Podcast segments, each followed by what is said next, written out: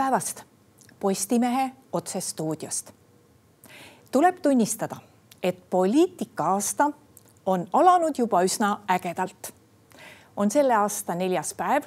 ja juba on Vabariigi President teatanud, et saadab Riigikohtusse ühe usaldushääletusega vastu võetud seaduseelnõu. õiguskantsler on Postimehele antud intervjuus lausunud, et teeb sama automaksuga tõenäoliselt ja olud ja elu Keskerakonnas ei ole samuti väga vaikseks jäänud, sest Tanel Kiik praegu mõtleb, kas ta lahkub erakonnast või mitte. meil on stuudios politoloog ja poliitikakuru toimetaja Tõnis Leht, tere. tervist. no Toompeal konkreetselt Riigikogu saalis on veel rahulik. kui vaadata, kuidas nad eelmisel aastal lõpetasid, kas sellelt on midagi võimalik prognoosida, et äh, aastavahetusel tõmmatakse hinge ja samasugune protsess läheb uuel aastal edasi? no ma ei tea, kas seda on põhjust nüüd optimismiks nimetada, aga ma julgeks loota, et eh, hullemaks kui eelmine aasta sisepoliitikas oli, alanud aasta ei kujune. ehk et eh, loodetavasti on natukene vähemalt, eh, on vähem obstruktsiooni ja veidikene paremini hakkab Riigikogu tööle ja ehk isegi esineb mõningaid hetki, kui koalitsiooni ja opositsiooni vahel toimub mingisugust äh, sisulist arutelu ka no obstruktsiooni on opositsioonil põhjust teha siis, kui on eriti värvikate eelnõudega tegemist. et sellised äh, maailmavaateliselt konflikti tekitavad eelnõud või siis ütleme, sellised jõulised eelnõud nagu on riigieelarve. praegu aasta alguses midagi taolist ei hakka tulema tõenäoliselt enne, kui jõuab Riigikogu saali automaks. no kindlasti automaks on üks neist teemadest, mis äh, saab olema väga terav ühiskonnas palju vastukaja leidva, äh, leidev eelnõu ja ka vastuseisu leidev eelnõu, nii et sellel teemal kindlasti on väga loogiline oodata ka, ka opositsiooni poolt turmtuld ja, ja ka tegelikult obstruktsiooni. aga laiemalt vaadates, siis äh, eks see palju on, on ikkagi EKRE kätes, et kas nad teevad nüüd sellise taktikalise otsuse, et jätkavad lausobstruktsiooniga lihtsalt selleks, et jätkata siis süsteemi kokkujooksutamist, parlamentaarse äh, toimimise pidurdamist või siis nad ikkagi otsustavad, et nad äh, sellist lausalist äh, Riigikogu töö takistamist enam ei jätka, et eks tegelikult on endiselt pall kõige rohkem nende kätes. kui suure tähtsusega on see, missugune tuleb nüüd presidendi poolt Riigikohtusse saadetud eelnõu kohta Riigikohtu otsus? no kindlasti sellel on oma suunda andev äh, mõju. et äh, see paneb eeldatavasti teatud sellised markerid maha, et kui vabalt siis koalitsioon usaldusega saab erinevaid eelnõusid tulevikus siduda või on seal siiski teatud selliseid piiranguid, mida, mida tuleb silmas pidada, et selgemalt ja paremini põhjendada, miks konkreetne, ütleme siis seaduseelnõu on riigielu korraldamiseks just nimelt nii oluline, et seda peaks usaldusega siduma aga ma natuke kahtlen, et Riigikohus on väga-väga konkreetsed nii-öelda käsulauad kätte annab ja, ja, ja sellest ühest äh, siis lahendist äh, sõltub ja, ja saab olema nii palju selgust, et, et me enam ei aruta neil teemadel. et juhul, kui sellist lausalist obstruktsiooni jätkatakse, mis püüab panna nagu kogu Riigikogu töö seisma, siis ma küll ei näe, et äh, ka koalitsioonil oleks võimalik üldse midagi teha, midagi realiseerida ilma usaldushääletusi kasutamata, nii et seni, kuni EKRE äh, nüüd ei anna selget signaali, et nad äh, lausalist obstruktsiooni ei jätka, noh seni tegelikult olukord ei muutu. no meil on jälle valimiste aasta, seekord küll Euroopa Parlamendi valimiste aasta ja Euroopa Parlamendi valimised on natuke teistsugused, sest väga paljud vaatlejad ütlevad, et erakondade populaarsus Europarlamendi valimistel suurt rolli ei mängi, kuna Europarlamendi valimised on suuresti siiski isikuvalimised. ma ei tahaks päris uskuda, et äh, nad üldse, need toetused nüüd üldse mingisugust rolli ei mängi, sest mingi protesti aspekt võib sinna ju alati sisse tulla no kindlasti jah, Europarlamendi valimised on rohkem isikuvalimised võrreldes Riigikogu valimistega, see on täitsa selge. aga äh, erakondadel, erakondadel, mis seal kandideerivad, on kindlasti siiski tähtsus olemas ja arvata võib, et need valimised tõesti kujunevad selliseks äh, protesti valimisteks praeguse valitsuse ja eriti siis Reformierakonna vastu, vähemalt on see miski, mida opositsioon püüab ja kõige enam siis on seda niimoodi sõnastanud ja püüdnud püstitada siis Urmas Reinsalu Isamaa juhina, nii et Euroopa teemad mingil määral seal ikkagi kuskil serva peal on nendel valimistel, aga vähemalt opositsioon püüab seda tõesti mängida välja kui umbusaldusavaldust valitsusele. omaette küsimus on see, et mida selle umbusaldusega siis nagu peale hakata, et eh, otsest vahetut mõju Eesti sisepoliitikale ju Euroopa Parlamendi valimistel nii palju ei ole ja järgmised olulised valimised, nii kohalikud kui Riigikogu valimised on veel suhteliselt kaugel nojah, ja lõppkokkuvõttes sisepoliitikas on tõesti täiesti ükskõik, kas Reformierakond saab ühe või kaks kohta Euroopa Parlamendis, et see on ühel hetkel huvitav, aga järgmisel hetkel on see juba unustatud ja keegi enam ei mäletagi, kui palju neil seal esindajaid on. Jah, tema nii-öelda vahetu mõju sisepoliitikale on mõõdukas, aga noh, ta kindlasti aitab näiteks äh, opositsiooni juhterakondadel kanda sellist head nii-öelda liikumist, äh, protestivaimu edasi, sest et pärast nüüd juba selle aasta lõppu, siis noh, ega kohalikud valimised ei ole ka enam nii väga kaugel, et, et mingis mõttes on sellist äh, tempot ja, ja, ja trende enda, enda kasuks töötavaid trende tarvis hoida. kas me suudame välja mõelda ka, et kes võiksid saada Euroopa Parlamenti, et praegu me oleme seisus, kus kahel erakonnal on seal kaks saadikut. Ehk siis Reformierakond on seal esitat-, esindatud Andrus Ansipi ja Urmas Paeti näol ja sotsid on seal esindatud Marina Kaljuranna ja Sven Mikseri näol, kuigi sotside puhul tuleb meenutada, et tegelikult see väga hea tulemuse tegi just Marina Kaljurand aga et äh, kuidas neil praegu võiks minna, sest praegu on huvitav see, et erakonnad ei ole ju isegi veel hakanud ütlema ja on ka liiga vara, et kes kandideerivad ja missugune see, see kandideerijate rida võiks välja näha. no millegipärast ma arvan, et Urmas Paet kohe kindlasti kandideerib. Noh, Andrus Ansip ehk ka jah, et me tegelikult ei tea ju veel isegi seda, et äh, millises erakonnas mõni Eesti selline juhtivpoliitik kandideerib, et palju on spekuleeritud ju ka võimaluse üle, et Jüri Ratas siis kutsutakse äh, Keskerakonnast siis Isamaa nimekirja üle, et see on, see on spekulatsioon hetkel, aga, aga ei ole sugugi välistatud. Äh, noh, tugevad trumbid on hetkel reitingut vaadates Isamaa käes, kui Reinsalu otsustab ja miks ta ei peaks, kui ta otsustab olla siis esinumber oma nimekirjal, siis tegelikult Isamaal on ikkagi hea võimalus äh, need valimised võita. lihtne see ülemäära ei ole muidugi, aga, aga võimalus on ja, ja siis korjata kaks kohta. sest et tugevaid nimesid ju seal nimekirjas tegelikult oleks veel. Äh, Reformierakonna üleriigiline toetus hetkel on muidugi madalseisus. Äh, Kaja Kallase ja siis valitsuse populaarsus on, on madalad, aga noh Kaja Kallas ilmselt ei kandideeri ja, ja Urmas Paet, Andrus Ansip, mõni nimi veel on tegelikult oma sõltumatu toetusbaasiga küllaltki. ja, ja Reformierakonnal on siiski Euroopa välispoliitika mõttes äh, tugev krediit endiselt alles, ehk et tegelikult võivad hoolimata kõigest, võib Reformierakond just tänu nendele persoonidele teha siiski päris korraliku tulemuse. ja noh, kui me vaatame edasi, siis sotsidel kahte kohta saada ilmselt on keeruline ja, ja, ja Keskerakond ja, ja, ja teised. noh, EKRE muidugi unistab ka kahest kohast, aga, aga see on ka kindlasti keerulisem, et ülejäänutel on kahte kohta võtta raskem. kui eh, vaadata, mis erakondades sees toimub, siis eh, homme toimub Reformierakonna juhatuse koosolek ja äh, tõenäoliselt me pärast seda koosolemist väga midagi teada ei saa, aga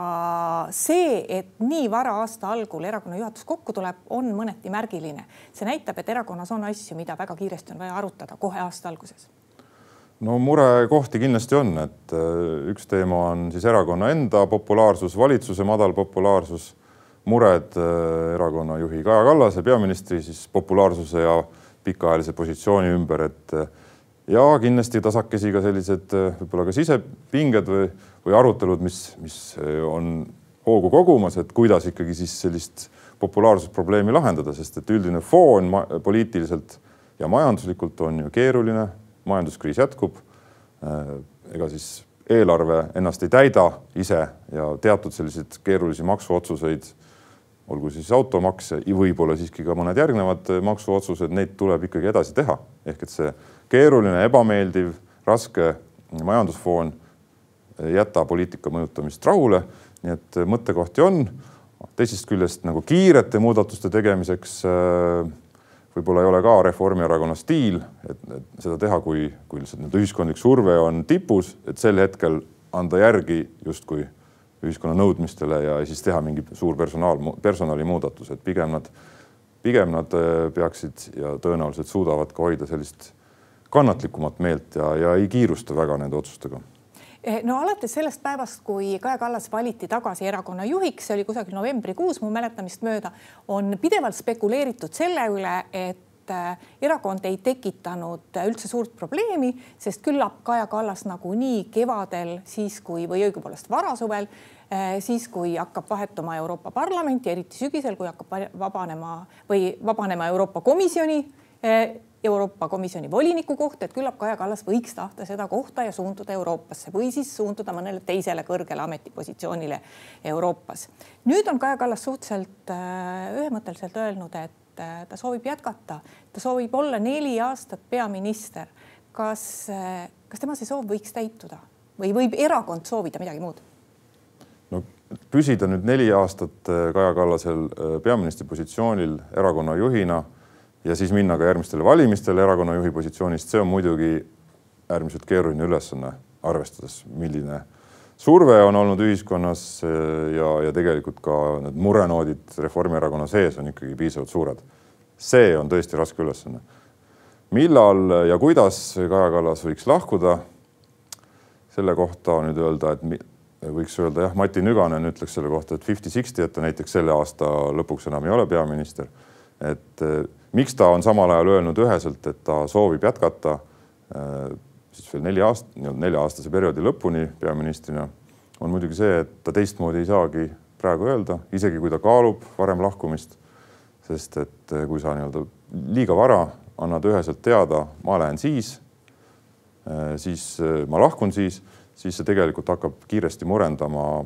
autoriteeti ja võimupositsiooni nii erakonna sees eriti aga ka koalitsioonis ja laiemalt ehk et tegelikult sellised lahkumisotsuseid tuleks ikkagi taktikaliselt teha lühema aja peale ette, et su enda nii-öelda võimupositsioon säiliks ja autoriteet säiliks. et me oleme näinud ka mujalt maailmast neid selliseid ebaõnnestunud liiga vara enda lahkumisest teadaandmisi, no näiteks äh, Angela Merkel tegi seda peaaegu paar aastat ette teatades ja noh, tegelikult tema nii-öelda võimupositsioon ka lõpuaastatel ka murenes päris tugevalt kui Kaja Kallasest ei saa Euroopa Komisjoni volinikku, kes võiks, sest see on tõenäoliselt Reformierakonna koht, kellest võiks Reformierakonnas saada Euroopa Komisjoni uus volinik, et kas see võib olla uuesti Andrus Ansip, võib see olla Urmas Paet, kes on öelnud, et tal poleks selle vastu midagi, kes? no see sõltubki kõige rohkem sellest, kas Kaja Kallas äh, sinna läheb või ei lähe, et, tegelikult neid nii-öelda Euroopa võimekaid, äh, keda sa siin mainisid, on ju mitmeid, et ma ei oska nüüd öelda, kas Ansip sooviks uuele ringile minna, et selline nii-öelda uuesti vanadesse saabastesse astumine, see on alati natukene selline keeruline ettevõtmine, aga, aga seal nimesid on ikkagi mitmeid, aga see sõltub Kaja Kallase valikust ja Kaja Kallase võimalus jätkata sõltub muidugi kõige rohkem sellest, mida arvatakse siis Reformierakonnas selle jätkamise kohta. milliseks see meelsus kujuneb, siis see sõltub palju endiselt muidugi Kaja Kallase enda otsusest, aga kui meelsus Reformierakonna sees on pöördunud juba noh, otsustavalt Kaja Kallase vastu, et juba eeldatakse, et ta mingi hetk ikkagi lahkub, siis, siis muidugi on seda nagu lõpuni seisma panna on, on raske, on võimalik edasi lükata, aga lõpuni seisma panna mitte. ja loomulikult laiem kontekst, poliitiline ja majanduslik kontekst mõjutab ka palju, et äh,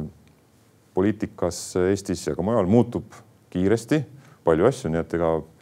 kui Kaja Kallas peab vastu siin näiteks aasta esimese poole ja ikkagi majanduses olukord hakkab ka optimistlikumaks muutuma ja, ja ta siiski ei otsusta näiteks Euroopasse suunduda, et siis võib-olla aasta lõpus me räägime juba teistsuguseid jutte. no viimane poliituudis, enne kui me siia stuudiosse astusime, oli see, et Tanel Kiik kaalub lahkumist Keskerakonnast ja võib-olla teeb seda või kaalub seda ka Jaak Aab no me kumbki ei ole nüüd viimase kümne minuti jooksul uudiseid vaadanud, eeldame, et ta ikkagi veel alles kaalub seda, aga kui tõenäoline see on, et Tanel Kiik võiks lahkuda ja kas veel keegi võiks Keskerakonnast lahkuda? no need Tanel Kiige tänased kommentaarid äh, olid muidugi sellises võtmes, et seda džinni on suhteliselt keeruline sinna pudelisse tagasi pista, et et äh, iseenesest on väga loogiline, kui Tanel Kiik just nimelt sotsiaaldemokraatide suunas vaatab, et see on mingis mõttes on see tema tegevuse ja väljaütlemistega ideoloogiliselt päris hästi kooskõlas ja millegipärast mul on tunne, et ka sotside siis liikmed ja, ja ka toetajad Kiige võimalikule liitumisele vaatavad üsnagi positiivselt. ka Jaak Aab on selline pigem selline plussmärgiga poliitik ikkagi üldiselt olnud inimeste, inimeste silmis nii-öelda positiivse kuvandiga. et äh, jah, seda siin on suhteliselt keeruline pudelisse tagasi panna, et äh, näha, et, et Kiik nüüd Kõlvartiga kuidagi väga sõbralikult ja hästi läbi hakkaks saama, et paistab, et jah, see nii-öelda Keskerakonna tühjaks veeremine ei ole lõppenud. No kõik tegelikult ootavad, mida teeb Jüri Ratas. Ja äh, tunnistagem ausalt, Jüri Ratas on ju elanud Keskerakonnas üle äh, väga erinevaid lahkumisi, et ta on olnud erakonna liige ja suhteliselt võtmepositsioonil erakonna liige aegadel, mil sealt on ka väga nimekad poliitikud läinud, Edgar Savisaare aegadel. Ja Jüri Ratas on jäänud. Ma isiklikult ei usu, et Jüri Ratas Keskerakonnast ära läheb, aga mis sa arvad? no see oleks, see oleks suur samm loomulikult, et äh, palju seda Eesti poliitikas ju ei meenu, et äh, erakonna juht ja endine peaminister astuks äh, ühe ropsuga ja väga järsult teise erakonda ja, ja, ja see oleks seal siis ka päriselt edukas, et aga ega see olukord seal Keskerakonnas on ikkagi muutunud nii keeruliseks, et,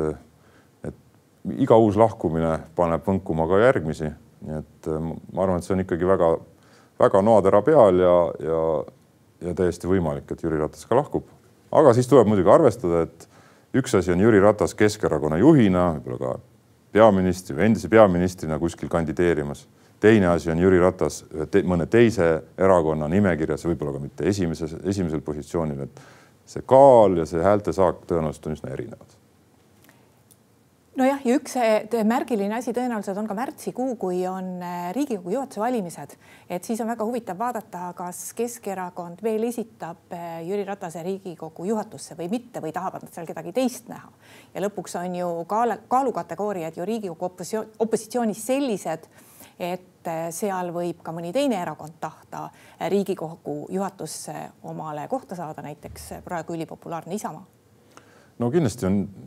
Isamaal on selleks nii-öelda rahvamandaadi eh, reitingute mõttes võib-olla isu tekkida, aga no EKRE, ärme unusta, on siiski nende kohti on seal kõige rohkem, et ega see Keskerakonna, Keskerakonna positsioon tõesti on nii palju murenenud, et,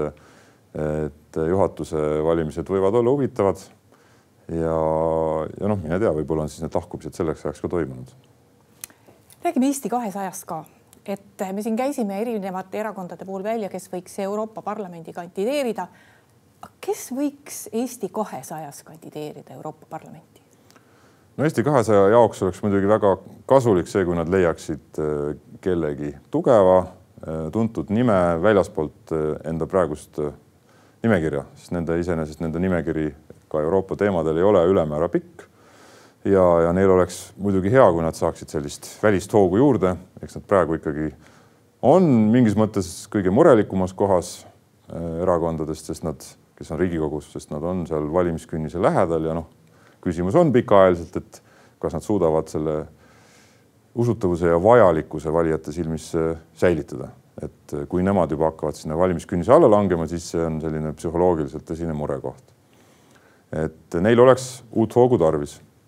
nii et äh, eks nad peavad ja kindlasti nad ka vaatavad praegu ringi, et keda siis meelitada esinumbriks. kas erakonna juht võib Eesti kahesajal vahetuda? no miski pole poliitikas võimatu, et uh, uued juhi valimised ju järgmisel aastal toimuma peaksid siis korralised ja noh ei ole välistatud, et eeskätt siis vaatame Kristina Kallase poole hetkel, et, et ta, temal see nii-öelda motivatsioon võiks tekkida, et kui näiteks haridusteemad on hästi lahendatud, õpetajate streigid, mured on maandatud, üleminek eestikeelsele õppele toimub ikkagi nagu edukalt, et siis siis Kristina Kallas võiks nii-öelda positiivse hooga äh, erakonna juhi kohale taas mõtlema hakata iseenesest jah, aga ma usun, et ega siis ka Margus Tsahkna ei tulnud sinna ainult üheks aastaks. Kas Isamaa reitingu tõus jätkub samas tempos? no me tegelikult juba näeme, et ega ta nüüd enam ei jätku samas tempos, et äh, kusagil on selline mingisugune loogiline piir, et äh, teisest küljest ma ei usu ka, et nüüd Isamaa reiting hakkaks nagu päris järsult haihtuma, et, et ta nagu ta on endas kindlasti koondanud väga palju rahulolematust praeguse valitsusega, Reformierakonnaga kõige rohkem. aga päris nii ei ole, et nüüd mingisuguse sündmuse ajal nii-öelda nõelaga laseme selle populaarsuse õhupalli tühjaks lihtsalt ja midagi sellest järel ei ole, et ma usun, et see populaarsus jääb ikkagi sinna kahekümne protsendi kanti vähemasti, isegi kui ta hakkab nüüd langema. sest et noh, foon on ikkagi opositsioonile soodne. ja opositsioon üldiselt on pigem nagu suhteliselt killustunud ja, ja nõrk. Isamaa on seal kõige selgem positiivne alternatiiv äh, koalitsioonile ka nende inimeste jaoks, kes varem valisid koalitsioonierakondi, aga nüüd on pettunud. EKRE on ikkagi endiselt äh, pisut liiga sellises radikaalses nurgas, eriti kui nad nüüd massilise obstruktsiooniga veel kavatsevad jätkata. ma usun, et see on miski, mida ka nende mõõdukamad toetajad noh, ei mõista, kui nad seda väga lausaliselt edasi teevad. ja Keskerakond on lihtsalt ka sisemistes raskustes ja kui nüüd Kiik, Ratas, kes iganes veel Eesti, Eesti tiivast peaks lahkuma, et siis eestikeelset toetajat jääb Keskerakonnal ikkagi veel vähemaks, nii et võtame selle nimekirja kokku, et ega siis ju peale Isamaa väga palju alternatiive ei ole jah, et soodne olukord neile. aitäh, Tõnis Leht tulemast Postimehe saatesse. ja aitäh ka kõigile neile, kes meid vaatasid. Postimehe järgmine otsesaade on eetris juba homme. seniks lugege uudiseid postimees.ee. thank you